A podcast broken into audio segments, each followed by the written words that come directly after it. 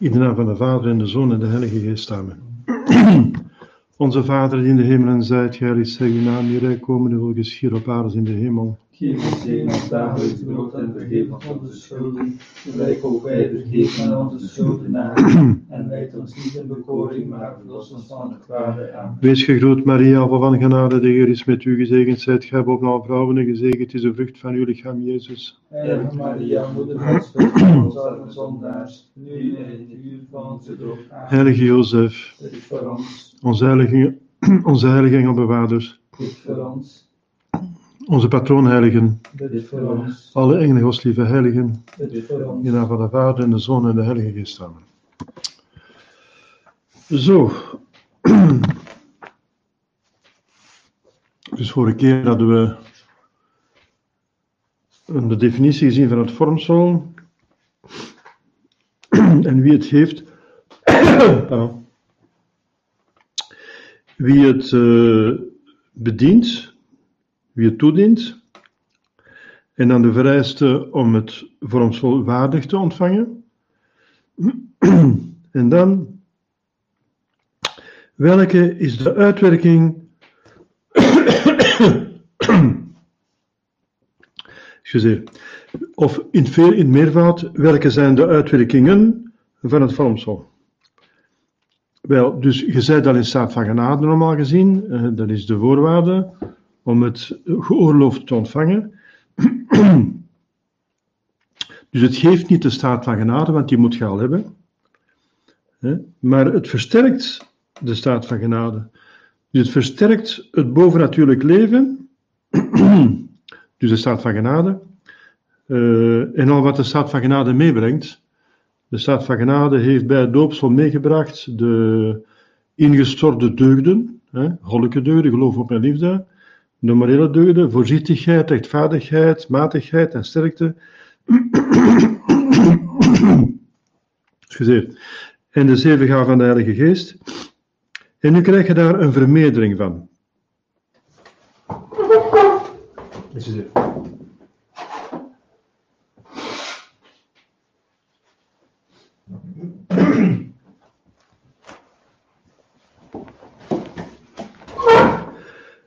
Dus je krijgt daar een vermeerdering van eh, tot aan de volheid, wat de volheid wordt genoemd. De volheid eh, van de gaven, vooral van de Heilige Geest. Ten tweede, dus het, we hebben al dadelijke genade, maar we krijgen speciale dadelijke genade om het, eh, ons geloof met woord en daad te beleiden en te verdedigen. Dus er is een specifieke genade die het vormsel geeft. Het geloof overdragen. Daarom moet men gevormd zijn voordat men huwt, zoals ik vorige keer al zei, omdat men bij het huwelijk aan elkaar het geloof moet overdragen en vooral aan de kinderen. En moet men ook gevormd zijn als men priester wordt, want men moet als priester natuurlijk ook het geloof overdragen aan de andere mensen van goede wil. Een specifieke genade dus, die te maken heeft met het derde punt hier, met het onuitwisbaar merkteken. Want is dat onuitwisbaar merkteken dat ons die uh, dadelijke genade uh, dus uh, verschaft. Dus het vormsel behoort een derde tot een van de drie sacramenten die een onuitwisbaar merkteken in de ziel, namelijk in het praktisch verstand, indrukt. Onuitwisbaar tot in de eeuwigheid. Dus onze ziel zal altijd dat merkteken dragen. Daarom worden mensen zelfs nog op het sterfbed gevormd. Uh, niet omdat ze nog hun geloof moeten beleiden en verdedigen, maar om die bijkomende glorie te hebben in de hemel. Van het merkteken van, uh, onuitwisbaar merkteken van vormsel. En de vermeerdering van natuurlijk het bovennatuurlijke leven. dus ten derde, het vormsel prent in onze ziel een onuitwisbaar merkteken en maakt ons tot strijders van Jezus Christus. Strijders, dat betekent, uh, we hebben vijanden, we zijn in de, de strijdende kerk. sinds uh, de zondeval, hè, dan heeft God de oorlog verklaard tussen de, mens, de kinderen van Maria en de kinderen van de duivel, van de slang. Ik zal vijandschap stellen tussen u en de vrouw, tussen u en haar nakomelingschap, en zij zal u de kop verpletteren en gij zult haar hiel belagen. Dus wij zijn strijders in die strijd. Neutraliteit bestaat niet. Jezus zegt wie niet met mij is tegen wij, enzovoort. Dus je behoort noodzakelijkerwijze tot het een of het andere kamp. Als je je afzijdig houdt, heb je eigenlijk al tegen Jezus gekozen, want heb je eigenlijk Jezus verworpen. Dus de, de godsdienstvrijheid, uh, die door de staten wordt, uh, wordt uh, verkondigd, is een, eigenlijk een geloofsafval. De staten moeten de ware godsdienst aanvaarden en bevoordelen. Want Jezus zegt aan de apostelen: gaat en onderwijs alle volkeren, dus alle staten. Alle volkeren, dus alle, ook alle regeringen. Die volkeren die bestaan uit verschillende delen. Hè? Dus de, degenen die regeren, en de, degenen die het volk en de verschillende lagen, hè, verschillende standen, dat is allemaal het volk. Die moeten allemaal Jezus aanvaarden. Strijders. En de, de grootste strijd die er bestaat, is dus de marteldood uh, ondergaan. En daarom uh, dus wordt er van het, bij het vraag gesproken van sterkte, zoals we in het, in begin gezien hebben, in eh, vraag 376. Vooral geef het de sterkte om ons geloof kloekmoedig te beleiden. Dat betekent dat je dus in een verschrikkelijke aanval zit, tot, tot levensbedreigends en, uh, ja, en zelfs sadistisch, hè, dus uh, tot de marteldood. En dan toch het geloof blijven beleiden. Daar heb je speciale genade voor nodig. En die krijg je dus uh, onder andere bij het vormsel. Ook bij het heilige krijg je dat maar telegolsel wordt niet toegediend bij gevaar van marteldood. Dat wordt alleen toegediend bij gevaar van ziekte en of ouderdom. Dus niet uh, voor de marteldood. Dus voor de marteldood heb je sterkte nodig uh, om, te volharden, om te volharden. En daar is eigenlijk de genade van het vormsel voor nodig. Natuurlijk, als je de kans niet hebt gehad om het vormsel te krijgen, krijg je toch voldoende genade. Er zijn zelfs catechumenen die de marteldood gestorven zijn, die zelfs niet eens gedoopt waren, maar die doopleerlingen waren en die in een vervolging terechtkomen. Die zijn dan gedoopt, zoals u weet, in hun bloed. Uh, waarschijnlijk zijn, waren die al gedoopt door doopsel van begeerte voordien. En, uh, dus die krijgen ook een speciale genade. Maar dat is een buitengewone genade. Weet je? Dat is een uitzondering, want God geeft altijd... Uh, nagelang de, de nood. Maar dit is een gewone genade. En God verkiest via gewone dingen te functioneren. Het buitengewone moet per definitie buitengewoon blijven, dus uitzonderlijk. Dus de gewone genade die ons sterkte geeft om het geloof te bewaren en te beleiden zelfs, tot het einde toe, dat komt door het vormsel. Daarom moet je zien dat je geldig gevormd bent. En daarvoor moet je zien dat je natuurlijk geldig gedoopt bent, want dan is het vormsel ongeldig. En dan moet je ook nog zien dat je geldig gevormd bent, want het vormsel dat dus na 1970 wordt toegediend, dat wordt dan toegediend, uh, eventueel, dus ze hebben die ritus veranderd, de modernisten. En nu moet je vormen met, uh, zoals ik zei, met uh, alle mogelijke plantaardige olie, andere dan olijfolie. Bijvoorbeeld met zonne, zonnebloemolie. Terwijl de kerkvaders duidelijk gezegd hebben dat Jezus heeft voorgeschreven dat alleen olijfolie de geldige materie is voor het vormsel. Dus dan moet je nagaan. wanneer dat je gevormd bent en als er twijfel is over je vormsel, dan moet je dat gewoon laten herdoen. Hè? het vormsel laten herdoen. Dan zegt de bisschop: Indien je niet gevormd bent, vorm ik u. En dan zet je zeker dat je gevormd bent.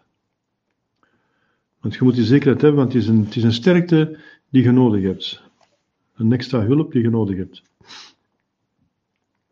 Wanneer hebben we de genade van het vormsel vooral nodig? Wel, als het geloof wordt bestreden of vervolgd. En daar zitten we nu meer en meer in. Hè? Het is nog niet zo erg als in de eerste eeuw dat er een bloedige vervolging is, tenminste hier niet. Er zijn bloedige vervolgingen in islamitische landen en, en uh, een aantal jaar geleden in communistische landen. En daarna weer uh, in Mexico, hè? Dus vooral bij de Cristeros. En dan heb je het ook, ook, gehad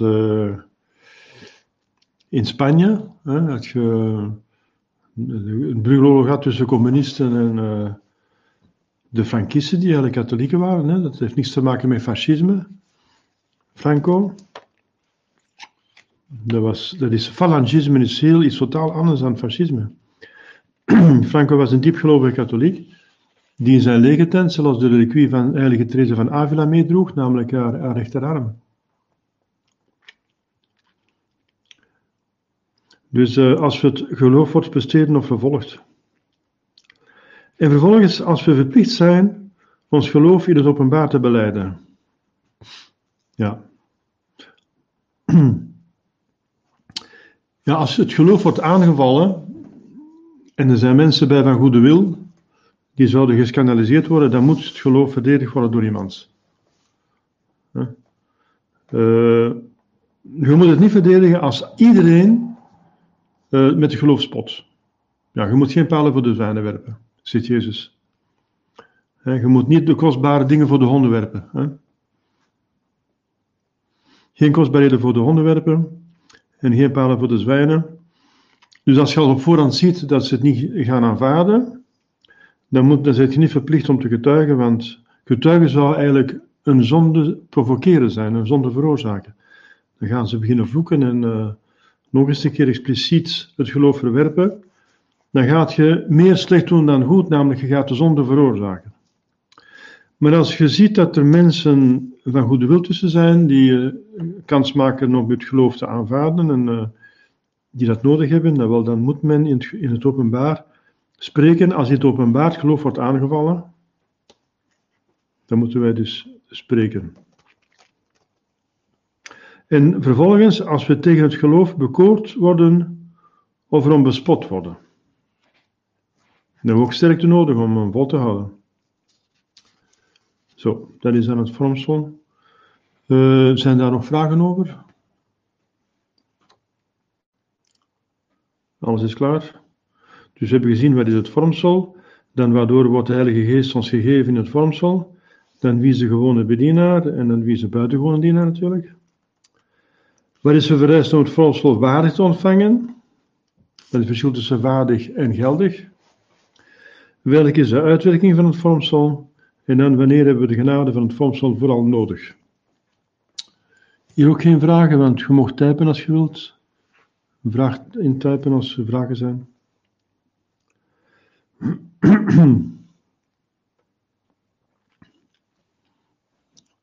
Ja. Dus het belangrijkste voor ons is weten dat we geldig gevormd zijn. Hè? Dus na 1970 is het twijfelachtig.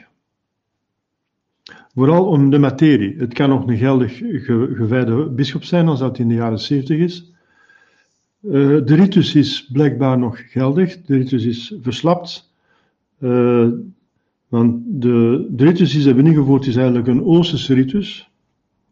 Die een, een, zwakkere uitdrukking is van het mysterie. Maar hij is geldig, omdat hij in het Oosten gebruikt werd. Dus het is het is dus uh, totaal uh, ongepast van de Latijnse ritus, Latijnse ritus te veranderen, dus die, Latijnse formulering weg te laten en te vervangen door een minder duidelijke. Dat is, is gewoon een achteruitgang eigenlijk. Maar het tast de, de geldigheid niet aan, wat de woorden betreft. Dus waar het kan dus verkeerd gaan, is de materie en ook de intentie. Intentie is heel moeilijk na te gaan. Maar de materie is vanaf het begin al twijfelachtig, omdat vanaf het begin mochten ze dus uh, zogezegd uh, andere olie gebruiken. en ik heb het al ondervonden dat er soms dus uh, bijvoorbeeld zonnebloemolie wordt gebruikt. Ik heb daar vorige keer ook al over gesproken. Dus dat is wel heel belangrijk, dat de mensen beseffen dat ze moeten nagaan of ze geldig gevormd zijn. Dan komen we naar het volgende sacrament, namelijk het Allerheiligste sacrament. Dus je hebt, uh, dan, dan wordt ook over de heilige mis gesproken, het misoffer natuurlijk.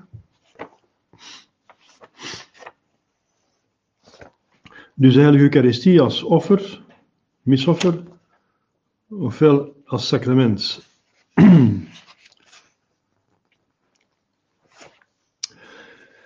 Zo, wat is de heilige Eucharistie? De heilige Eucharistie is het offer en het sacrament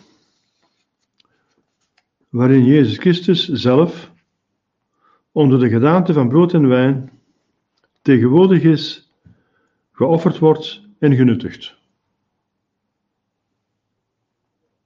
Dus geofferd wordt, dat is de mis, en dan genuttigd is de communie. Tegenwoordig is, het sacrament. Uh, dat dan bewaard wordt in het tabernakel, zoals je weet, en uh, aan de zieken gebracht wordt. Nu, het is een offer. Wel, van alle eeuwen, vanaf het begin van eh, Adam en Eva, is er zijn er altijd offers gebracht in de geschiedenis van de mensheid. En het offer was essentieel voor de godsdienst, want men moest zien dat men vergiffenis bekomt van de zonde. Dat is het belangrijkste, want Adam en Eva hadden gezondigd, dus, en nadien ook praktisch alle, alle mensen. Hè. De heilige Johannes gaat schrijven, wie zegt dat hij zonder zonde is, is een leugenaar. Maar daar moeten we vanaf, uh, want een zonde is iets dat ons verhindert om, naar, om, om, om goed met God te staan. We moeten goed met God staan, want God is onze bestemming. God is degene die gaat beslissen over onze eeuwigheid. Dus we moeten daar goed mee staan, zo goed mogelijk zelfs. En de zonde is juist iets dat we slecht staan met hem. Je hebt dagelijkse zonde en doodzonde. Doodzonde is dat, gewoon, eh, dat er gewoon haat is, oorlog tussen ons en God. Het is gewoon natuurlijk waanzin. En dagelijkse zonde is ook niet goed. Want dat is een belediging toch van God, die, die toch de vriendschap vermindert of kwetst. Dus dan moeten we vanaf van die, uh, dat is een van de belangrijkste vragen, hoe geraken we daar vanaf? En de mensen zijn beginnen offers te brengen van het begin af aan. Want ze hebben, ze hebben dus begrepen dat de zonde een misbruik is van een schepsel. En in de balans van de rechtvaardigheid van God moet die balans in evenwicht gebracht worden door dan een onthouding te doen van een schepsel. Een schepsel op te offeren aan God. Je hebt van een schepsel misbruik gemaakt dat hem toebehoort en dat volgens zijn wil moest gebruikt worden. Je hebt dat niet gedaan, nu moet je iets inleveren van eh, wat je eigenlijk eh, normaal zou mogen gebruiken voor jezelf. En dat gaat je dus opofferen. Voor een doodzonde uh, moet, is dat je leven dat je eigenlijk moet opofferen. Want doodzonde betekent je, je verdient de dood. Je moet gedood worden. En daarom werden dus meteen slachtoffers gebracht. Dus er werden dieren gedood. Dus er werden uh, dieren gedood die dan in uw plaats stierven. Die, dat betekent, mijn, mijn ben niet waardig te leven, heer, kijk eens, uh, dat dier dat mij toebehoort, hè, dat kost 1000, 1500 euro, zo'n nos of zoiets, of zo'n koe, een nos, of een, dat is allemaal, kost allemaal geld. En uh, dat is iets dat mij toebehoort, ik ga dat slachtoffer, ik ga dat doden, hè, aan u opofferen, verbranden. Een holocaust betekent een totale vernietiging, hè, dat alles opgebrand wordt. Een holocaust, dat is het sterkste offer, dat het alles vernietigd wordt, in rook opgaat naar de hemel, hè, voor God geofferd wordt. Want ik ben inwaardig om te leven en ik, ik mag geen zelfmoord plegen. Dus ik beduid dat door dit leven dat hier aan mij toebehoort, dus eh, aan u te geven. Dat, is, dat, dat is de betekenis van een offer, een slachtoffer, dat er geslacht wordt. Hè? Wel, uh, spijtig genoeg is dat dan ook ontaard naar valse godsdiensten dus de ware godsdienst werd eh, door veel eh, dus, verlaten. En dan gaan ze dus slachtoffers brengen aan verkeerde goden, aan afgoden. En dan gaan ze zelfs zo ver gaan van zelfs mensenoffers te brengen. Aan Astarte, hè, aan, dat is bekend, Astarte. Dus, dus, dus praktisch alle volkeren die hebben mensenoffers ge, gekend. Ze zijn die natuurlijk geweldig uh, daar een spel van maakte. Zoals de, de wat de, de, de, de Inca's. Hm? Dat zijn de Inca's, hè? Mel Gibson heeft er nog een, een, boek over gemaakt. De Azteken. De Azteken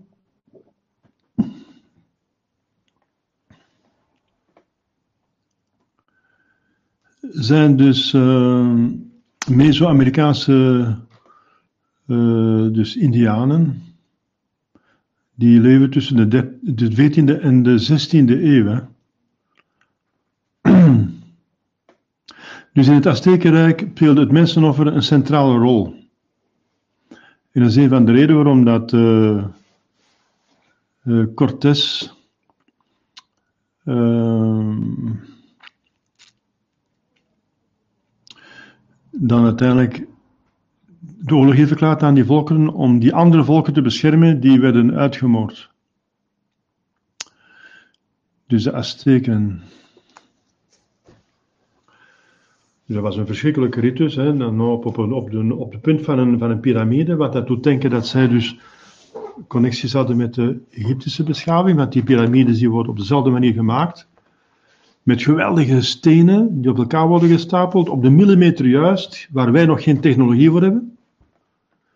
En die, die technologie vind je terug zowel in, in, in Egypte als in Zuid-Amerika, als in, in China, dus overal een beetje in de wereld. Dus dat Egyptische Rijk, dat moet een wereldrijk geweest zijn. Uh, dus die moeten dat ergens geleerd hebben. Het is niet toevallig dat ze dezelfde techniek gebruiken, hè? een piramide met dezelfde en op de top van de piramide werd dus uh, iemand geofferd en dan werd het hart eruit gesneden en er levend uitgehaald en aan de zonnegod of aan de maangod geofferd. Zo gezegd. En uh, het hoofd werd naar beneden gerold. Of er was een afschuwelijke ritus die dus heel veel werd beoefend. Honderdduizenden offers zijn daar gebracht geweest. En uh, ja, het is natuurlijk wel zo als je een duivel mensenoffers geeft, kunt je van hem van alles te, bekomen. Ja, dat is waar. Dat is het. Uh, de duivel is de aap van God, dus hij denkt dat hij God is. Hè, en, uh, en hij vindt ook dat het mensenoffer het hoogste is wat je hem kunt bieden. En daarom dat de satanisten uh, gaan tot mensenoffers brengen aan een duivel, om van een duivel zoveel mogelijk te, te bekomen. En tot, uh, ik spreek daar nu specifiek van, want het is weer gaande. Hè?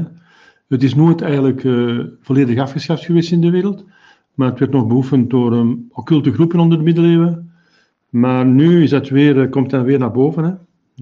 er zijn weer satanisten. je hoort overal dat het weer terug opkomt. En van, soms komt dat naar buiten. Hè? dat gaat dan gepaard, gepaard met kindermisbruik, eerst seksueel misbruik van die kinderen, ook met allerlei spelletjes zo, dat, uh, dat er dan jacht wordt gemaakt op die kinderen. Dus dat is ook al zo. Dus die kinderen worden dus losgelaten en daar wordt op gejaagd.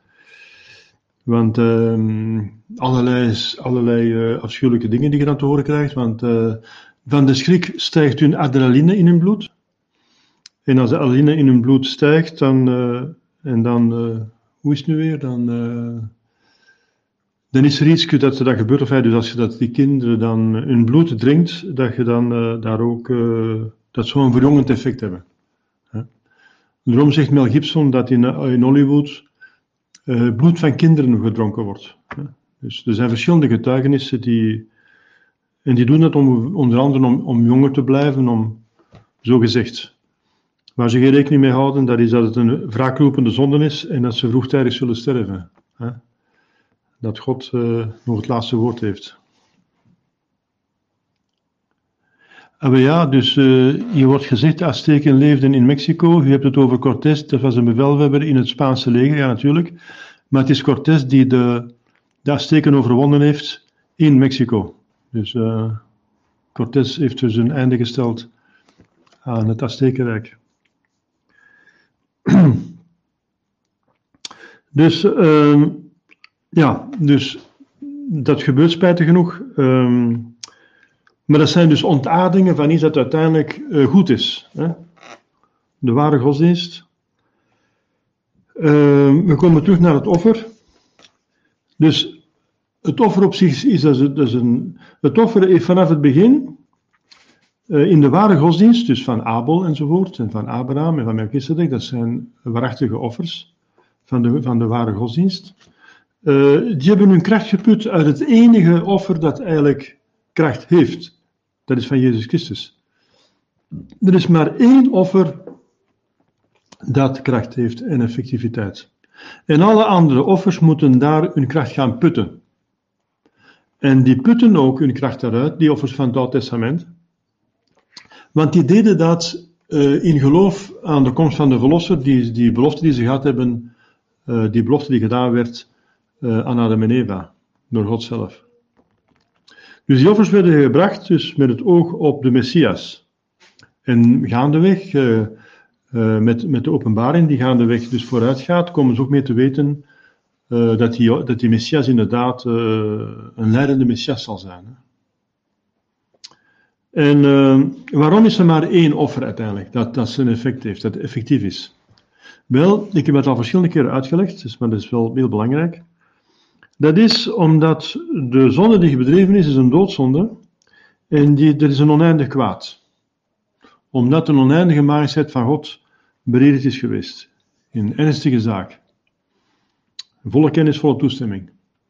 Wel, eh, ernstige zaak, dus, dus en een, een oneindige majesteit. Dus eigenlijk het is, is het een oneindig kwaad. Een oneindig kwaad kan de mens niet meer goed maken. Trouwens, om een zonde, om als je iemand gebeledigd hebt, moet je vergiffenis vragen en je moet je vergiffenis geven. Dus het moet van Gods kant komen. Maar ja, Gods goedheid zou dat wel willen vergeven als je berouw hebt, maar Gods rechtvaardigheid vindt van niet. Gods rechtvaardigheid vindt, de rechtvaardigheid vindt dat er een gelijkheid moet zijn. De rechtvaardigheid is zoveel, je hebt 500 euro gestolen, je moet 500 euro inleveren. Plus nog de andere schade die je veroorzaakt hebt. Dus rechtvaardigheid zoekt altijd naar gelijkheid. En rechtvaardigheid is ook een eigenschap van God die oneindig is. Dus uh, om aan de rechtvaardigheid van God te voldoen, moest er eigenlijk een, een offer van oneindige waarde gebracht worden. En alleen God is oneindig. Dus, en een mens heeft gezondigd, God zei, gij zult sterven aan de mensen, als gij van die boom eet. Dus een mens moet sterven, want de mens heeft gezondigd, maar de waarde moet oneindig zijn en alleen God is oneindig. Dus de oplossing is, de enige oplossing is een God-mens. En alleen Jezus is God-mens, die in onze plaats zal sterven. En er mag ook geen zelfmoord zijn. Dat hij pleegt, hij mag geen zelfmoord plegen. Uh, dus dat is, dat, is, dat is ook verboden. Dus hij werd gedood door vijanden. Die dan daar ook weer zondigen daardoor. Maar die, die zonder het te beseffen eigenlijk het offer volbrengen. Dus Jezus offert zich op. En daar wordt ook nog duidelijker dat hij gedood wordt voor de zonde. Want het zijn zondaars die hem doden. Tegelijkertijd is er een versterking van, van de realiteit. Van waar, waar, waarom hij sterft. Hij sterft door de zonde van de zondaars, de, de fariseeën die niet willen hem als Messias erkennen, terwijl ze weten dat hij de Messias is, die, die zich niet willen bekeren enzovoort. Pontius Pilatus, die laf is, die zegt hij is onschuldig, maar dood hem maar, kruisig hem maar, doe met dat je wilt. Hij is onschuldig, maar je mocht hem massacreren. Dus dat is, uh, dus dat is ook uh, schuldig. Dus uh, het enige offer is het van Jezus Christus. Omdat alleen een Godmens de rechtvaardigheid kan voldoen. En het feit dat aan God in onze plaats sterft als mens, dat voldoet ook aan onze barmhartigheid. Namelijk, wij hebben, hij gaat in onze plaats sterven. Dat is een oneindige goedheid. En dus, dus door het offer van Jezus Christus wordt volledig voldaan aan de goddelijke gerechtigheid en aan de goddelijke barmhartigheid, aan beide. En het is dat dat God besloten heeft. Daarom dat uh, Jezus gebed niet verrood is geweest toen hij zegt, uh, laat deze kelk aan mij voorbij gaan, maar niet mij wil, maar u wil geschieden. Ja, God had besloten dat hij dan toch dat moest ondergaan, omdat het ja, de enige manier was om zoveel mogelijk mensen te bereiken. Uh, want je had natuurlijk ook één druppel bloed kunnen, uh, kunnen gieten, vergieten, maar als we zo verschrikkelijk zou lijden, zouden ook veel meer mensen harten getroffen worden en zouden meer mensen zich bekeren. Dus zijn goddelijke wijsheid heeft besloten hoe het moest gebeuren dat er aan zijn oneindige gerechtigheid en bemattigheid wordt voldaan en zijn oneindige almacht organiseert de omstandigheden. Dus de, zelfs wel rekenen met de vrije wil van de mensen, maar dat gaat dus gedood worden door zondaars, die vrijwillig zondigen. Hm? Wel, dat is dus uh, de ganse, uh, ja, de achtergrond van het offer. Dus is altijd geofferd geweest. En, uh, maar die offers die dus gebracht worden, ik herhaal het in het Oude Testament, en ook als het geregeld werd, vanaf Mozes wordt het geregeld. Heel streng geregeld. Dat is openbaring op de berg Sinaï. Dan worden de tien geboden gegeven, maar ook de liturgie wordt dan in kleine details gegeven. Dat staat in Leviticus. Dus een van de vijf boeken van de Pentateuch. Pentateuch zijn de eerste vijf boeken van de Heilige Schrift die door Mozes zijn geschreven. De Leviticus en Deuteronomium, dat wil zeggen de twee wetten, dus de twee, de twee tafelen. Dat zijn dus twee boeken van het Oude Testament die in detail uitleggen hoe dat de tien geboden elkaar zitten, maar ook vooral hoe de liturgie in elkaar zit. Hoe dat die offers moeten gebracht worden, hoe dat die tempel er moet uitzien. Dat is nog een draagbare tempel, hè. dat is een tent eigenlijk. De, de, uh, de tent, de tabernakeltent, die wordt rondgedragen in de woestijn.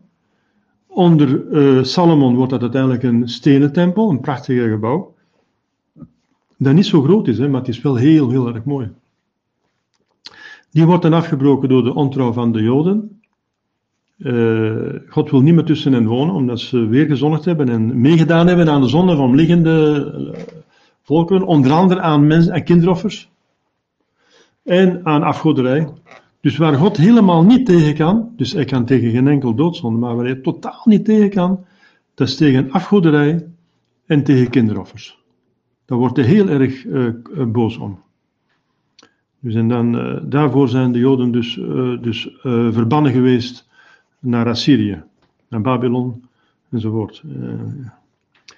en ehm, als ze dan terugkomen uiteindelijk, want ze hebben berouw, en God is altijd barmhartig, als je alle zonden worden vergeven, hè, hoe, hoe, groot en hoe talrijk ze ook mogen zijn, als je maar oprecht berouw hebt, dan mogen ze terugkeren, er wordt een tempel terug opgebouwd, en dat gebeurde al onder Nehemias hè, en onder Zorobabel, maar die, uh, er werd een prachtige tempel gebouwd onder Herodes, en de bouw was nog niet af toen Jezus kwam. Want de stenen die er nog lagen, er lagen nog stenen uh, die ze zelfs wilden gebruiken om Jezus te stenen op een gegeven moment.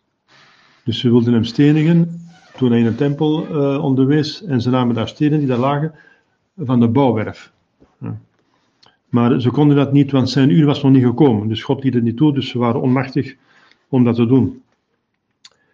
Wel, dus dat is het offer dat dan uiteindelijk uh, dus zijn uh, voltooiing krijgt in uh, Jezus offer aan het kruis.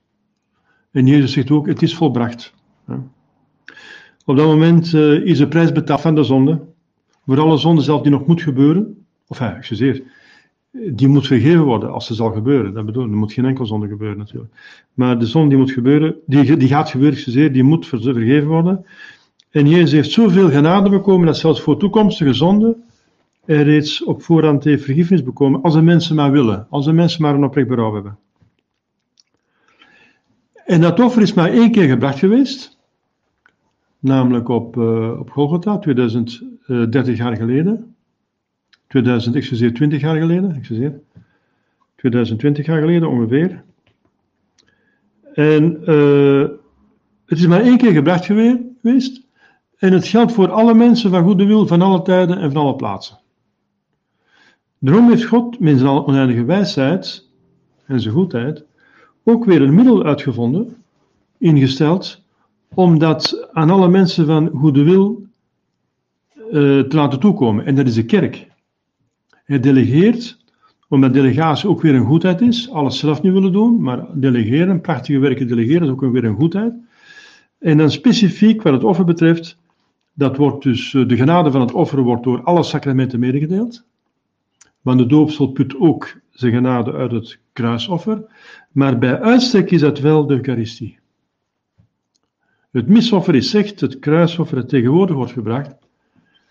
En doordat kruisoffer tegenwoordig gebracht wordt de mis, bekomen we alle genade. om gedoopt te worden, om vergiffenis om goed te bichten, om gevormd te worden, om te huwen. Dus alle andere sacramenten, die putten hun genade uit het kruisoffer dat naar hier komt door het misoffer. Het misoffer blijft dus de zon, zegt Thomas, waar alle uh, andere sacramenten als planeten ronddraaien. Dus dat is het offer, er is dus heel wat over te zeggen. Deze catechismus zegt er niet veel over, omdat het een korte catechismus is, maar je ziet er is heel prachtig, er zijn veel mooie dingen over te zeggen. Hè. En dus alle offers die wij brengen, uh, hetzelfde geldt voor ons als in het Oude Testament, die hebben maar en in zover uh, dus geldigheid, gewicht tegenover God, als met Jezus worden gebracht. Samen met Jezus offeren, uh, dat heeft zijn waarde. Zonder Jezus heeft geen waarde. Want we hebben geen waarde tegenover die oneindige schuld van de, van de zonde. Dus, dat is, dus, dus, dus al mogen wij een groot offer brengen. Maar een, groot tegenover oneindig is nog gelijk niks. Dat is wiskunde. Tegenover oneindig is groot nog gelijk niks. Dus dat is heel de kwestie. Dus ook al brengen wij een groot offer, zoals ons leven, moesten wij ons leven geven, dan zou het nog niks zeggen, zegt, zegt uh, Sint Paulus. Al geef ik mijn eh, lichaam om te worden verbrand, het baat mij niets als ik de liefde niet heb. En de liefde is een staat van genade, en die krijg je alleen maar door Jezus. Door het doopsel, door een van de drie doopsels. Dus als je de liefde niet hebt, dus de staat van genade, de vriendschap met God, dan baat het mij niets. Ook al geef ik mijn leven, mijn lichaam om te worden verbrand. Ziet je? Dus alle offers, zowel in het Oude Testament als, in, als nu, die hebben maar zin, zolang als we ze met Jezus opofferen. Samen met Jezus, ja. Zonder Jezus niks. En er wordt zo, uh, voor kinderen wordt dat, uh, en ook voor volwassenen natuurlijk, want wij zijn grote kinderen, wordt dat aanschouwelijk voorgesteld. Hè. Je zegt, wij zijn allemaal nullen. Ik ben een nul, je zit een nul, nul, allemaal nullen, nul, nul, nullen, nullen. We zijn allemaal nullen. Tegenover God zijn wij dus gelijk nul, want God is oneindig. Maar als we met Jezus zijn, dan komt er voor die nullen een 1 te staan. En dan is het een groot bedrag. Als daar een 1 voor staat. dan heeft die nul plots zijn betekenis. Omdat die 1 ervoor staat. Zonder 1 niks en met die 1 plots uh, heeft dat zijn waarde. Ja. Iedere nul heeft dan zijn waarde. Als die 1 ervoor staat. ja. Dus zo kunnen we dat onthouden. Dus de heilige Eucharistie is het offer, uh, want dat kruisoffer is maar één keer gebracht geweest, maar Jezus heeft, dus is voor alle mensen gestorven, van alle plaatsen, van alle tijden, van goede wil. En dat middel om dat, offer dus werkelijk tegenwoordig wordt gebracht, is dus de mis, uh, vooral, maar ook alle andere sacramenten, sacramentaliën, die, die, die bekomen die genade van dat offer. En zoals ik zei, elk offer dat Jezus gebracht heeft ook zijn, zijn waarde. Maar het summum is dus de Eucharistie, omdat het werkelijk het kruisoffer is dat hier en nu wordt tegenwoordig gebracht. Het wordt toegepast. Het is de vrucht van die een boom die daar staat 2000 jaar geleden, die kruisboom. En die een vrucht, die een tak, die komt naar hier, en die een vrucht die wordt geplukt door de misoffer. Dat is diezelfde boom. Hm? Diezelfde boom, die, die, die wordt toegepast hier en nu. Het is één en hetzelfde offer, zegt uh, dat is een mysterie. Dat begrijpen we niet erg goed. Maar uh, het concilie van Tente zegt dat het misoffer is één en hetzelfde offer als het, uh, het, het, bloedige offer van Calvarië. Het misoffer is bloed. Maar daar zullen we later over spreken vanaf 292. Hier is al een vraag. Leven we nu in een tijd dat erger kan genoemd worden dan de tijden van de vervolging van de eerste christenen? Uh, ik zou zeggen dus, uh, ja, we worden nog niet bloedig vervolgd, wij niet. Ja, want uh, onder communisme was er een bloedige vervolging en die heeft meer doden veroorzaakt dan alle eeuwen tevoren. De, islam zet nu dat werk spijt genoeg verder, dat werk van Beul. Hè. Op het vallen er dus vooral christenen door de islam. Ja, je kunt dat zeggen, ja. Vooral. De crisis is nu erger, erger vooral omdat het hoofd van de kerk ketter geworden is en zelfs uh, van het geloof gevallen is. In die zin is het de ergste crisis, want er is nog nooit gebeurd, zegt het Eerste Vaticaans Concilie, Het is nog nooit gebeurd dat een pausketter of geloofsafvallig geworden is. Maar het kan gebeuren, hebben ze gezegd. En als het gebeurt, verliest ipso facto zijn pauschap. En er is spijt genoeg gebeurd. Er zijn nu, bijna geen geldige offers meer. Ja. Ja, er zijn er nog altijd, hè. Dus iedere, iedere geldig gewijde priester die de juiste missaal uh, gebruikt met, uh, met alle voorwaarden, die heeft nog een geldig offer. Er zijn er nog. Ik moet wel zeggen dat uh, één misoffer heeft de waarde van het kruisoffer. Dus een oneindige waarde. Dus ik zou zeggen, één misoffer zou volstaan eigenlijk, al per dag. Voor iedereen. Zo'n oneindige waarde heeft dat. Zo'n waarde heeft dat. Weinig en geldige misoffers tegenover ontzettend veel kinderoffers. Ah ja, ja. Ah ja, ja. ja.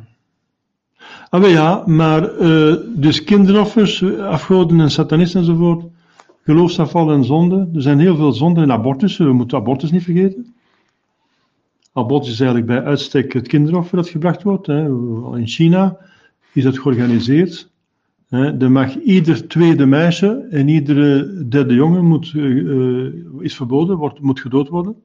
Er, mogen, mag één, mogen maar twee jongens zijn en één meisje. Gevolg is dat er te weinig vrouwen zijn. Daar hebben we problemen mee, maar ja, dat is ook niet verstandig. Maar dat betekent dus dat het een soort uh, ja, kindermoord is. Hè? Die, uh, zijn geen kinderoffers, maar kindermoord. Wel, dus dat zijn zonden, maar uh, ik zeg het, het offeren van Jezus is oneindig, want het is een Godmens die zich offert. Dus als God heeft het offeren van Jezus een oneindige waarde, oneindig. En dus één misoffer, één kruisoffer van Jezus en één misoffer is voldoende om te voldoen aan alle zonden van de wereld. Ja. Dus wij, wij schatten niet genoeg de mis in omdat wij moeilijk God inschatten. God is oneindig. Ja. Dan uh, even terug naar het heilig vormsel. Aha. Mag een bischop modernist het sacrament van het heilig weigeren toe te dienen aan volgelingen vanwege de reden van COVID-19? Ja. Ten eerste is een bischop modernist geen bischop meer. Want die bischop, praktisch alle bisschoppen zijn gewijd na 1970 en hebben een geldige wijding ontvangen. Dus er is geen bischop meer. Dus het is ook geen sacrament meer, het is ook geen vormsel meer. Dus uh, daarmee houdt het op. Hè. En als ze dan weigeren hun nep-sacramenten toe te dienen, dan hebben die mens, mensen geen nep-sacrament gehad. Misschien is dat een goede zaak. Dus, uh, natuurlijk, in zich is het het is verkeerd, moest daar een geldige bischop zijn. Uh, een katholieke bischop. Uh, en die zou het vormsel weigeren? Nee, dat zou je niet mogen doen. Ja. Normaal niet. De sacramenten. En de sacramenten die je vooral niet moet, mocht weigeren, zijn de sacramenten die u de staat van genade geven. En bovendien, als je op sterven ligt, dan is het nog, nog, nog belangrijker. Dan moet de priester zelfs zijn leven in de weegschaal zetten. Ja, nu komen we terug dus naar de Eucharistie. Dus inderdaad, uh, wij schatten de, de waarde van het misoffer te weinig in, omdat wij het kruisoffer te weinig inschatten, omdat wij God zelf te weinig inschatten. God is oneindig, dus het misoffer heeft een oneindige waarde, omdat daar een Godmens zich opoffert. Dus de heilige Eucharistie is het offer, ja inderdaad, want het concilie van Tente zegt dat het hetzelfde offer is als het kruisoffer. En het kruisoffer is het enige offer dat echt het offer is. In de, in de geschiedenis van de mensheid. Uh, we kunnen al zeggen in de toekomst ook. Hè?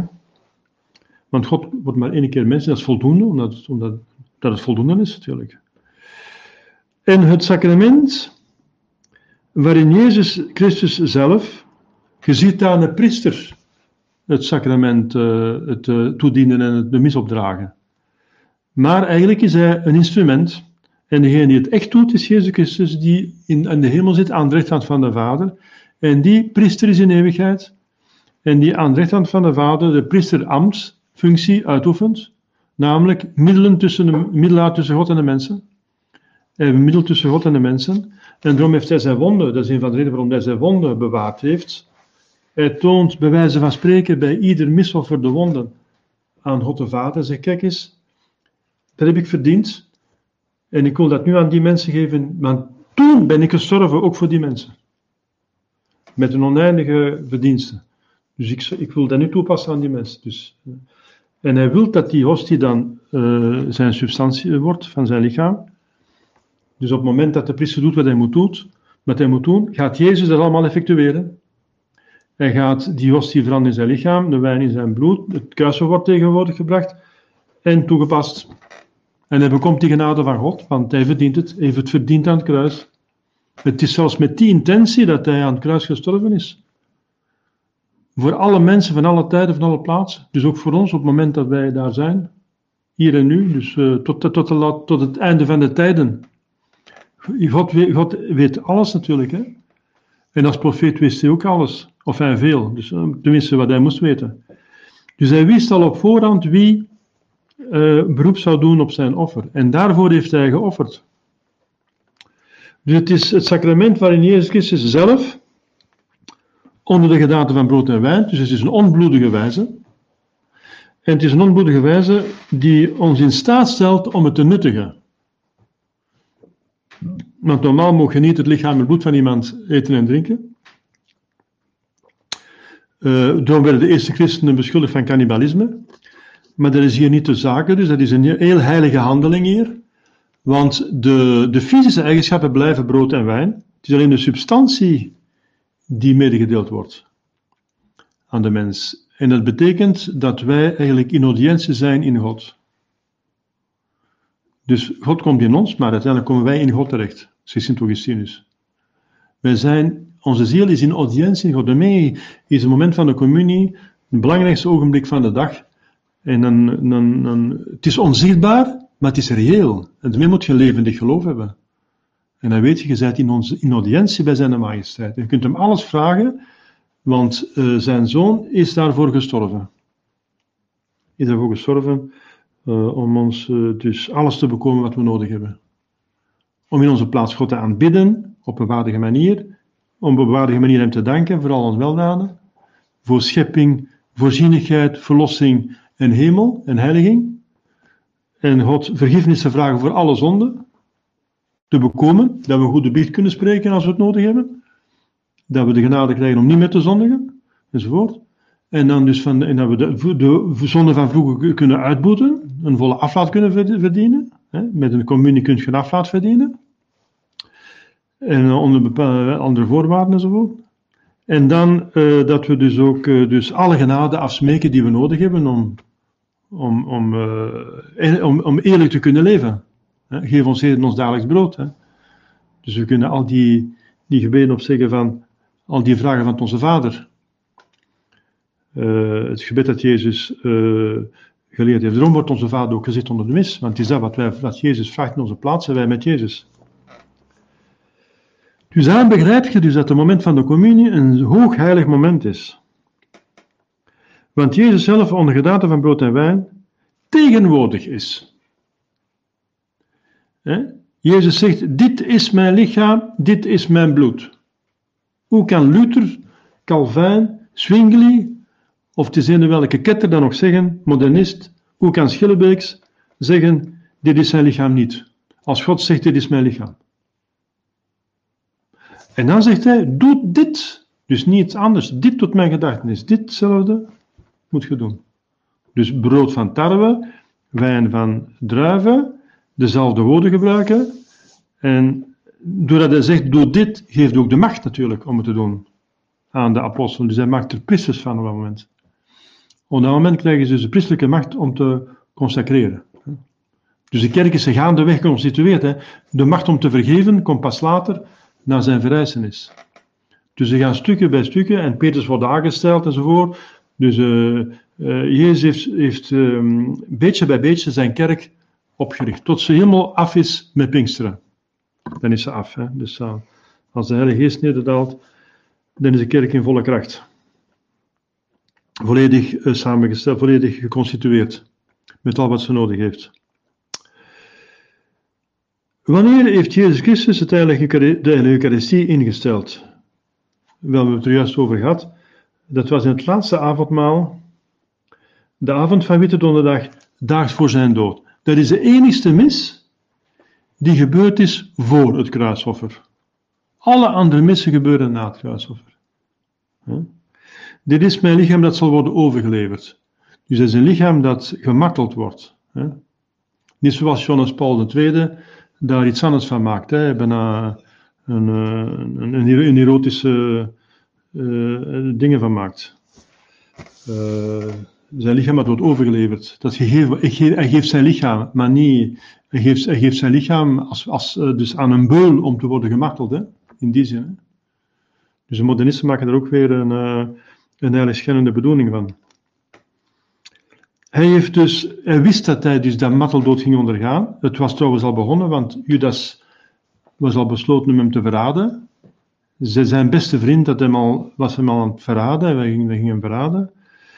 Ehm, en Jezus heeft alles voorzien, ermee wat hij water en bloed, zweet, eh, transpireert op de Hof van Olijven.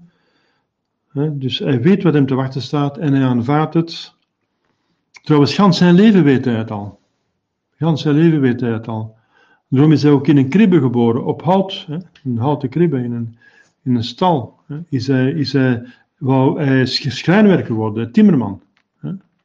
Hè. Alsof als een kruistimmer. Dus hij wou, heeft dat beroep geleerd van zijn vader. Onder een boom werd er gezondigd, hè, de boom van kennis van goed en kwaad. Onder een boom, aan het boomkruis, de kruis, eh, de, ehm, eh, de, het kruis staat er als een boom. Hm? Zegt eh, de hymne, hè, Vexilla Regis, spreekt erover. Die haar takken uitspreidt, dat zijn de armen van Jezus, hè, die een goddelijke vrucht draagt. Hè. De boom, dus door een boom werd, aan, onder een boom werd gezondigd, onder een boom en aan een boom eh, moet er dus eh, het herstel eh, bewerkt worden. Want God is nu eenmaal zo, hè, dus dat noemen ze het parallelisme of de, het principe van re- recirculatie. Dus do- do- door een vrouw is gezondigd, door een vrouw moest het herstel brengen, Eva, Maria. Hè. Eh, die vrouw die werd aangezet door, een, door een, een gevallen engel om te zondigen. Maria moet uitgenodigd worden door een heilige engel, Gabriel. En de vrouw gaat dan naar een man eh, dus eh, verleiden. En Maria, door haar ja-woord komt Jezus tegenwoordig. Alleen door haar ja-woord zal hij komen. Daarom dat God dat ja-woord wou van Maria, want dat ja-woord zou dat eh, nee-woord van Eva dus herstellen, dat nee om aan God te gehoorzamen. Zij, verkeer, zij verkoos te gehoorzamen aan de slang en aan God.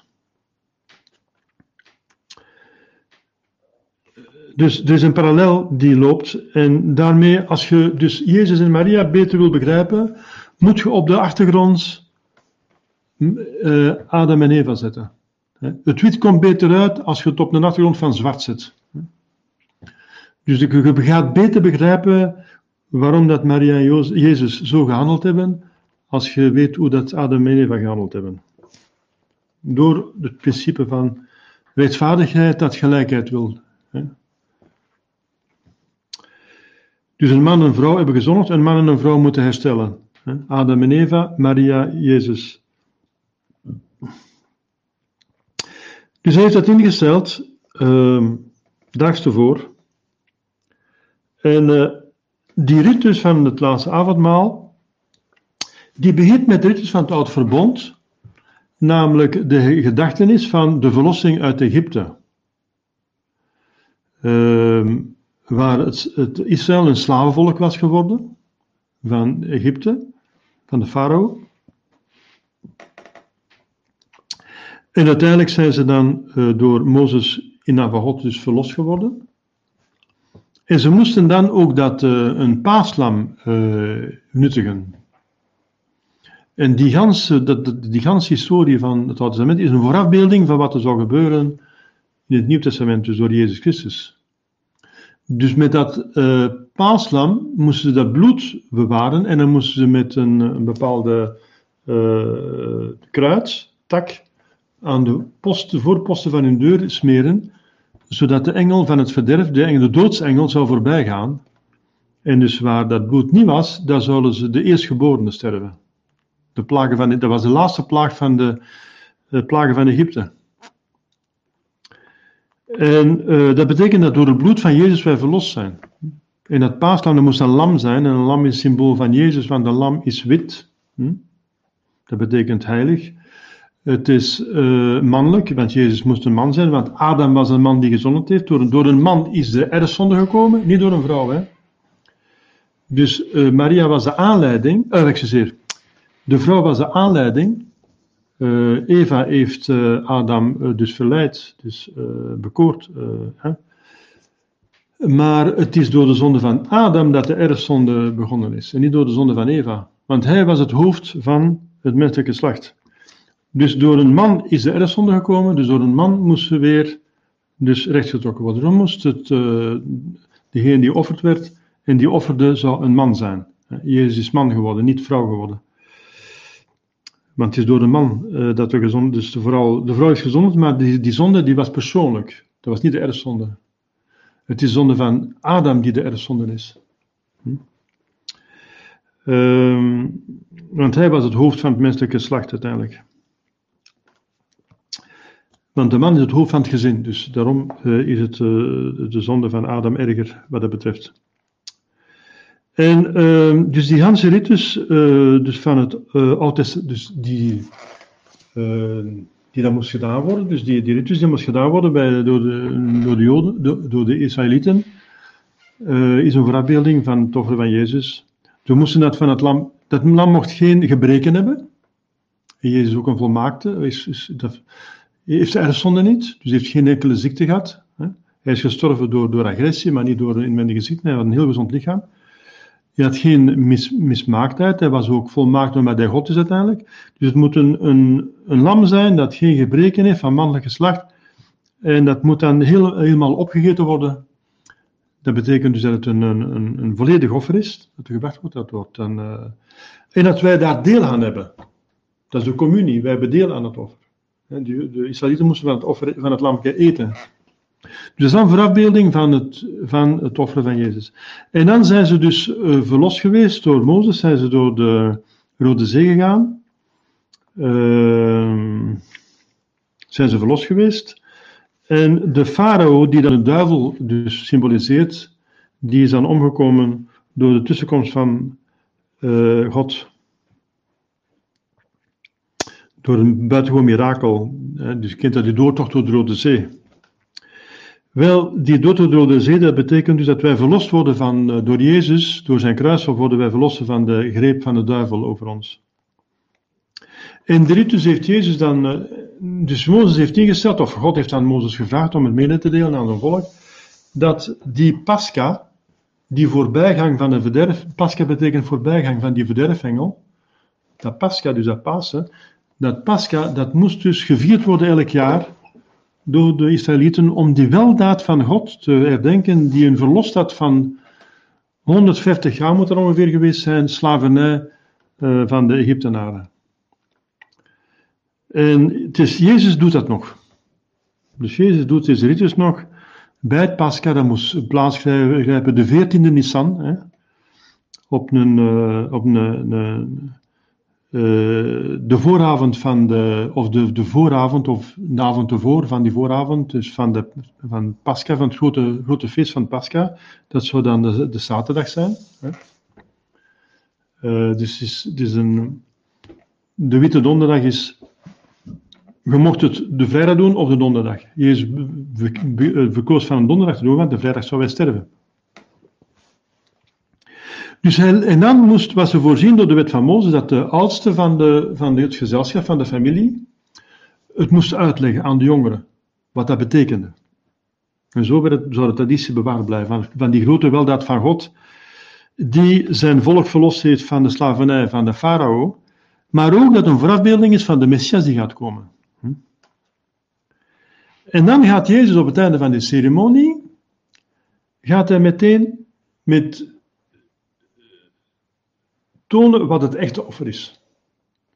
Hij toont eerst de voorafbeelding en dan toont hij het echte offer. Dus hij leidt het bij wijze van spreken in. En daarna is het offer daar. Natuurlijk op een onbloedige wijze, maar het is er daar. Het is daar in zijn volle kracht.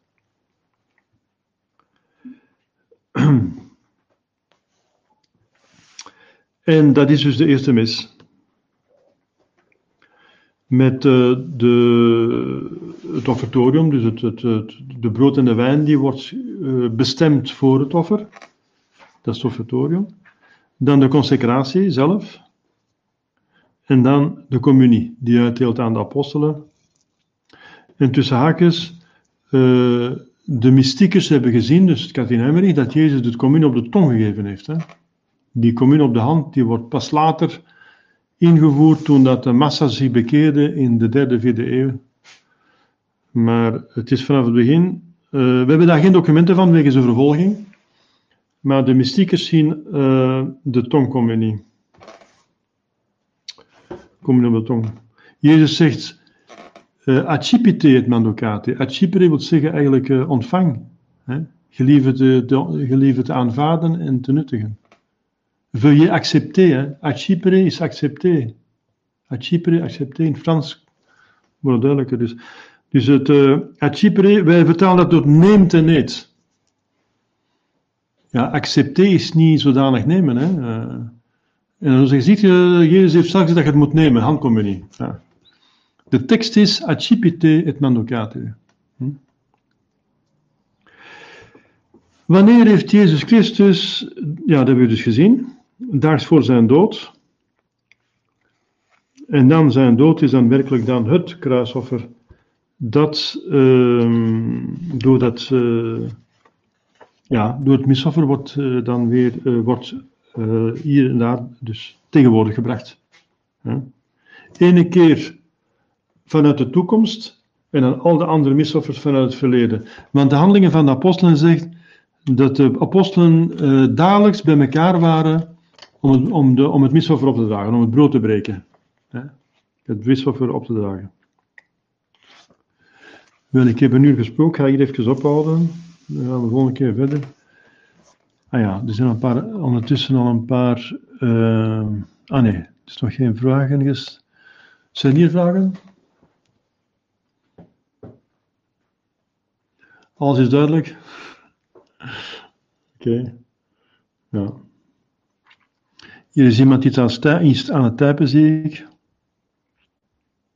Een vraag aan het typen.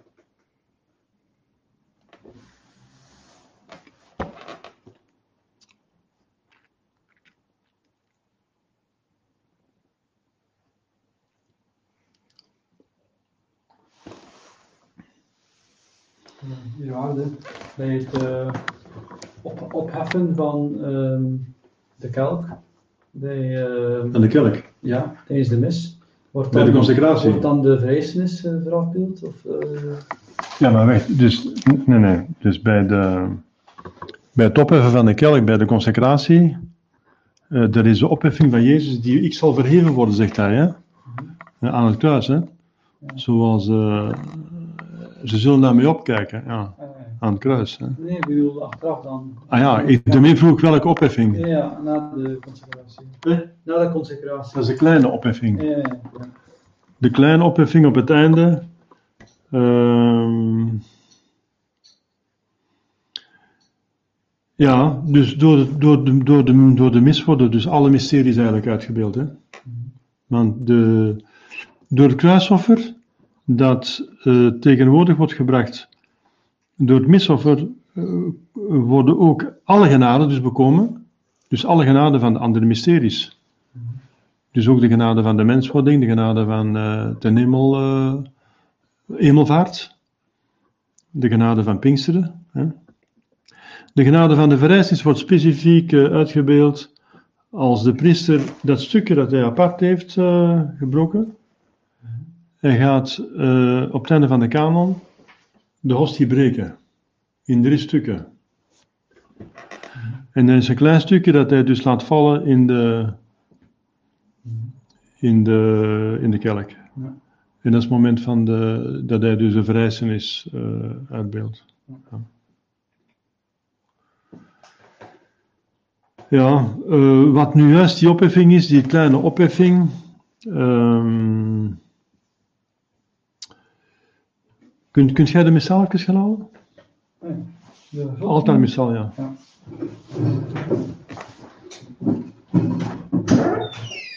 We kunnen een tekst erbij halen.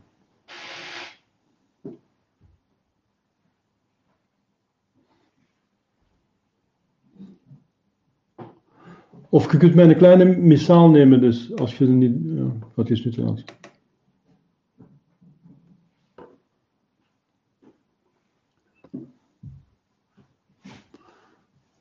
Ja, oké. We halen best de tekst erbij, dan.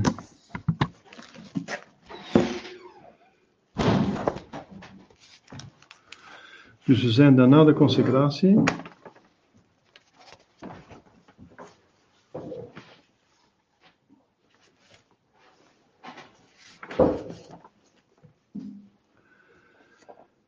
Ja, dus je hebt dan allerlei gebeden die dan de consecratie, die, die genade uitdrukken.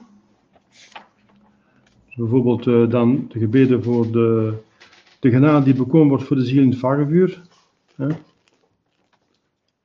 Dus eh, dat is memento, eh, de memento voor de, voor de overledenen. Nobis coque peccatoribus, dan bidden we voor onszelf dat wij dus opgenomen zouden worden in de hemel met allerlei heiligen. Onder andere zijn ook vrouwelijke heiligen bij. Bij die tweede lijst heiligen, want het is ook een heilige lijst voor de consecratie. Bij de communicantes, het gebed dat heet communicantes, dat is juist voor de consecratie. Is een lijst van heiligen.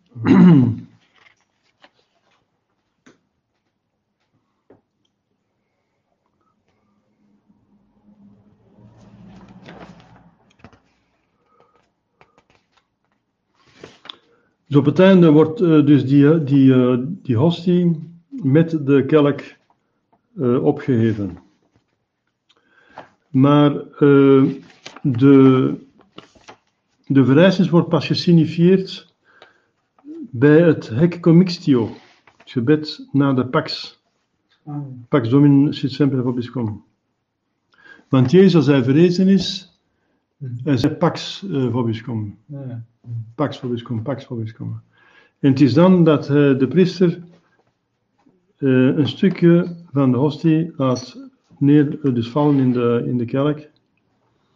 Dus het lichaam wordt terugverenigd met het bloed en dan wordt de verrijzenis gesignifiëerd. Dus omdat dat gebeurt na die kleine opheffing,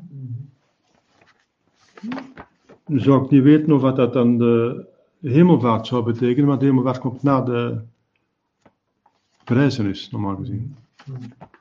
Hij wordt gewoon verhoogd en er wordt gezegd door alle eeuwen der eeuwen amen. Wat alle genade geven per ipsum cum ipso et in ipso. Ja. Ja, hij is verheven boven alle volkeren, hij is de, ja, hij is verheven, hij is degene van wie we het heil bekomen. Hè. Mhm. Dus wordt nog eens beduid dat hij eh, op een hoogte staat waar we allemaal moeten naar opkijken en eh, genade Ja. van vragen. Eh, die hoogte, ja, dat kan even gewoon altijd de hoogte zijn van Golgotha. Hè? Dat is niet specifiek de hoogte van de hemel. Hè? Ja. Hij is op verschillende bergen geweest hè, waar iets gebeurd is. Hè. De berg Tabor werd hij verheerlijkt. De, de Olijfberg is ook een berg waar hij geleden heeft. Een berg Golgotha is ook gestorven, de berg is ook een berg en nog een heuvel. Eh, hij is op de Olijfberg ook ten hemel ge- gestegen. Volgens de meeste kerkfases dat was de Olijfberg, waar hij ten hemel is gevaren. hè. En de, Eh. ber- en de bergreden ook. Dat is, De bergreden. ja, de bergreden. De bergreden, maar hij heeft overal gepredikt. Hè. Je hebt ook de veldreden hè, bij Lucas. ja. Eh, hij bad alleen op één berg. Ja. Dus een hoogte symboliseert hetgeen dat dichter bij God staat, de hemel staat. Dat meer verheven is. Ja. Maar ik denk niet dat specifiek de, vrij, de, de hemelvaart wil betekenen op dat moment. Ja. Hemelvaart. Dan heb je dus de, de verschillende gebeden voor de communie. Ja. De, de genade van kerstmis, de menswording, ja, dat is de eerste consecratie. Hè? Bij de eerste consecratie is zijn lichaam aarde, maar het offer is nog niet gebracht. Het offer wordt pas gesignificeerd bij de tweede consecratie, namelijk die van, het, uh, de, van de wijn. Want dan wordt uh, bij de wijn, uh, dat de wijn geconsecreerd wordt en dan natuurlijk het bloed wordt, wordt er beduid, gesignificeerd dat het bloed apart is van het lichaam. Want je hebt dan de hostie, dus de, zijn lichaam, en heb je de, kelk met de wijn daar. Wel, als het bloed helemaal gescheiden is van uh, het lichaam, dat betekent een gewelddadige, bloed, bloedige dood. Ja. Dus vanaf de tweede consecratie wordt zijn het kruisoffer gesignificeerd. Maar niet de eerste consecratie. Deze consecratie, zijn lichaam is er, maar er wordt nog niet, dus niet zo duidelijk. Hij komt wel om. Het lichaam wordt gegeven om te worden geofferd. Maar dat, is met, dat, was, dat was met kerstmis. Hè? Hij is op aarde gekomen om ons te verlossen. Dus de eerste consecratie zoals kerstmis. Na de eerste consecratie zeggen, hij is daar. Hij is werkelijk neergedaald op, uh, op aarde. In de hostie. Maar bij de tweede consecratie is hij geofferd. Dus de eerste consecratie, dat is uh, de kerstkring. En de tweede consecratie wordt, beduid, wordt uitgelegd door de paaskring. Dat gaat vlug, hè? Een kwestie van een paar seconden. Op een paar seconden heb je dus de ganse kerstkring en de paaskring uh, daar. Dat is, uh, het is zo, hè? De meer de kerk dan de tijd neemt om het allemaal uit te leggen door al die gebeden. Er zijn gebeden die, die, die, er zijn gebeden die later gebeuren, die eigenlijk, die eigenlijk uitdrukken wat bij de consecratie gebeurd is omdat je bij de consecratie niet alles kunt zeggen. Dus dat wordt dan voordien gezegd en nadien gezegd. Bijvoorbeeld uh, wordt ook gezegd, waarom doet de priesters nog kruisen over de hostie als het al geconsecreerd is? Dat is mijn vraag aan u. Waarom gaat de priester nog kruisen maken over de hostie, terwijl dat het lichaam van, Jezus is? Waarom moet je nog het lichaam van Jezus gaan zegenen? Ja. Hè? Nooit de vraag niet gesteld? Nee. Ja. Bijvoorbeeld, uh, ja. Dus je hebt de consecratie en dan, uh, ja. Dus er wordt een zegening gegeven bij de, bij de gebeden Supplice Sterogamus. Dus dat is het, het derde gebed na de consecratie gaat de priester een kruis maken over de hostie en één over de, de kelk. Met zijn hand. Kunt je vragen waarom zit die priester nog Jezus te zegenen? Was het antwoord? Dat de priester een instrument is, dat Jezus het is die zegent. Jezus zegent zijn eigen lichaam. Dat heeft zin, hè, dat Jezus zijn lichaam zegent. dus Jezus als priester zegent zijn lichaam als slachtoffer. Je kunt geen andere uitleg geven, hè, want anders heeft het geen zin. Hè. Goed, uh, heb ik antwoord op uw vraag? Uh, ja, dan. Uh, Jezus zegt zelf over de communie: wie mijn vlees eet en mijn bloed drinkt, blijft in mij en ik in hem. Ja, inderdaad, dat doen we dan ook. Hè? Dus wij nuttigen de priester die nuttigt de hostie en de, de geconsecreerde hostie en de geconsecreerde wijn. En aan de gelovigen wordt uh, de hostie gegeven. Er wordt soms een wijn gegeven, maar dat brengt wel problemen teweeg. We hebben nog gezien onlangs de Oosterse ritus. En dan moet iedereen van datzelfde lepeltje. En dan in COVID-tijden, inderdaad, tijden van griep en dingen, is het toch wel niet zo. Uh, ja, ook al is het een heilige zaak. Uh, het is niet aangeraden van hetzelfde lepeltje een massa te laten drinken van hetzelfde lepeltje. Hè. Ook al is het een gouden lepeltje. Verhuld zilver. Wat is? Verhuld zilver. Ja, maar dan is het nog goud, hè? Zilver ontsmet, maar het moet goud zijn al wat Jezus aanraakt. Ja.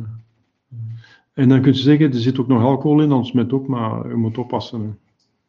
Je moet niet telkens mirakels van God. Uh, want dat zijn mirakels en dat er niemand besmet gaat, is een mirakel. Dan moet je, niet, je moet niet, God kan mirakels doen, maar een mirakel moet een uitzondering. Je moet, geen, je moet niet ervan uitgaan dat God nu iedere keer dat God communie uitreikt een mirakel moet gaan doen. Hè. Daar moet je niet van uitgaan. Hè. Dus daardoor is dat niet Daarom dat, eh, dus in, ik heb Oosterse ritussen gezien, bijvoorbeeld in Riga.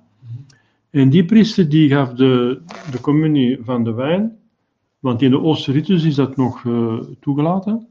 Dan moesten de mensen hun mond open houden en dan smeet hij, dus die bij hun mond zo, met lipse de wijn in hun mond. Zonder hun, hun mond aan te raken. Ja, daar moet je al goed in geoefend zijn. Hè. Je mocht geen druppel morsen, want dat is dan weer. eh, dat is, eh, en als de mensen dan eh, zenuwachtig zijn en ze bewegen hun mond, ja, dan is het helemaal naar de vaantjes. Er zijn zo van die mensen die ze tikken hebben en zo, en een tik of zo, of, of, of, on- of, of, Ja, of plots, ik weet niet wat. Er zijn altijd mensen die onvoorziene bewegingen doen. Niet iedereen handelt rationeel. Hè. Zelf kun je ook eh, wat, verstrooid missen. Zelf kun je ook wat missen als priester. Dus- Ah ja, ja. Ja. Enfin, je zit aan de professioneel, je moet het dan kunnen. Ja, Maar eh, de kerk heeft het dan wijselijk afgeschaft, nee. die communie dus aan de wijn voor de gelovigen, Mhm. omdat eh, sommige mensen ook tegen wijn niet kunnen, Die allergisch. Het maakt de communiebeweging dubbel zo lang, dus toen de massa's zich bekeerden, werd, duurde het heel lang. Je moest dus twee keer de communie uitdelen. Het is dubbel zo lang dan. En het kan al lang duren, als je duizend mensen in je kathedraal hebt, begint het maar, hè.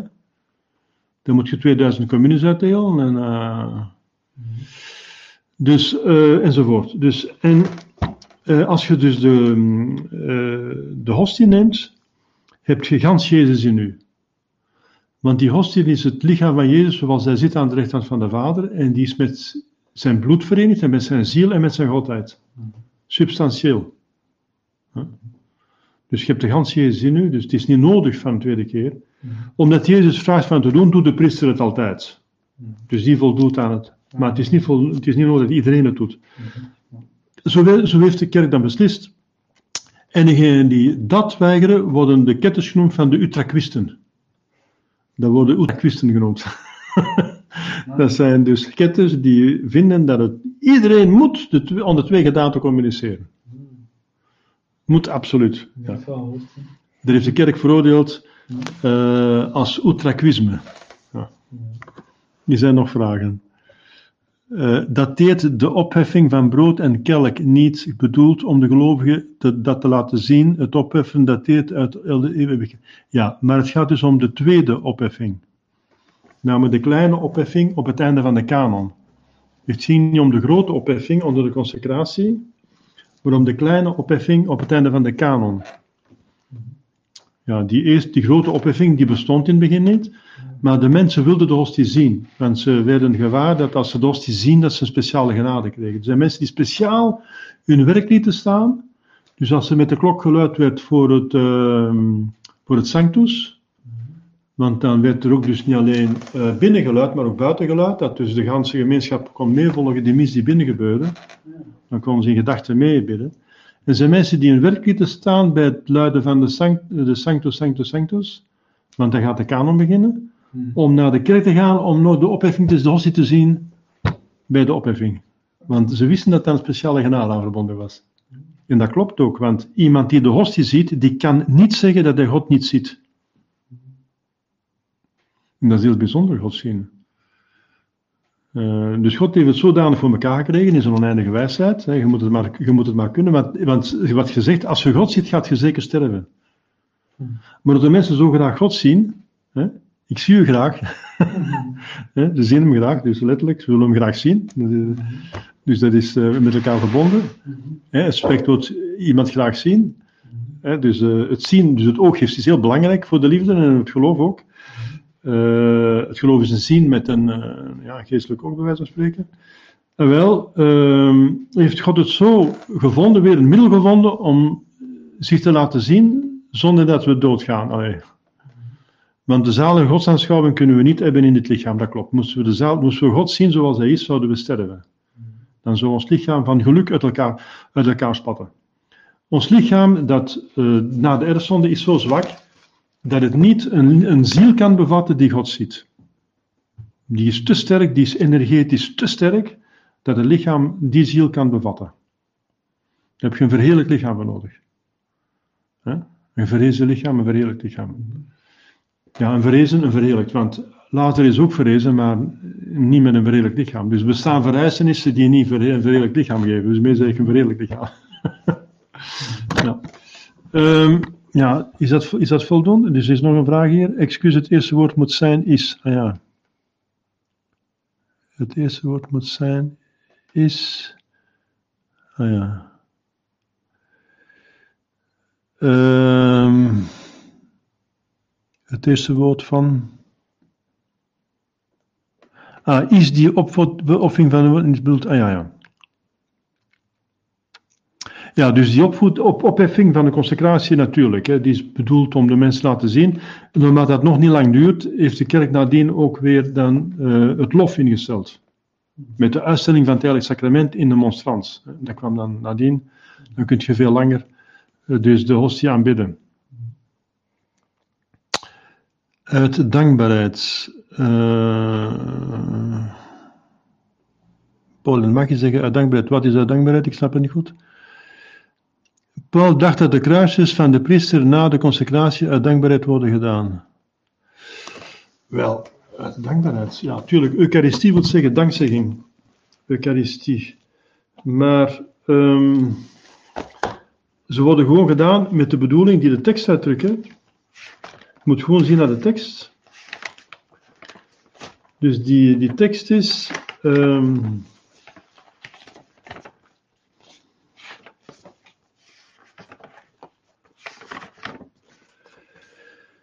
per ipsum et cum ipso et in ipso, estibi Dio Pate omnipotente et in Sancti omnis honor et gloria. Door hem, dus Jezus, met hem en in hem. Dus, want alles komt door het kruis en dan maakt je dus kruisen, tekens met de hostie over de kelk. Is aan u God de Vader, Almachtig, in eenheid met de Heilige Geest, alle Heer en glorie. Voilà. Dus het is een lofprijzing eigenlijk. Door Jezus Christus. Door met en in geeft je alle lof, alle eer en glorie aan God. De Vader en de Heilige Geest. De Vader in de eenheid met de Heilige Geest. Voilà. Je moet gewoon naar de tekst kijken, hè? eenvoudig. Honor gloria. Omnis honor gloria. Alle. Alles. Alle eer en glorie komt door Jezus. Dat wil zeggen dat er buiten hem niks meer is, hè, want alles is al. Uh, buiten hem is geen eer en glorie aan God. Dat, beduidt, dat is weer een sterke beduiding dat dus alles moet door Jezus gebeuren. Alles komt door zijn kruisoffer. Alle eer en, en glorie komt door God pas door zijn kruisoffer. Dus niemand kan God eer en glorie geven buiten Jezus. Buiten Jezus om. Buiten Jezus om zou de wereld ook alleen maar verwoest zijn geweest, want er was geen herstel voor de zonde. De wereld zou gewoon niet bestaan. Waarom heeft laat God de wereld bestaan? Ja, omdat het telkens het kruisoffer is geweest.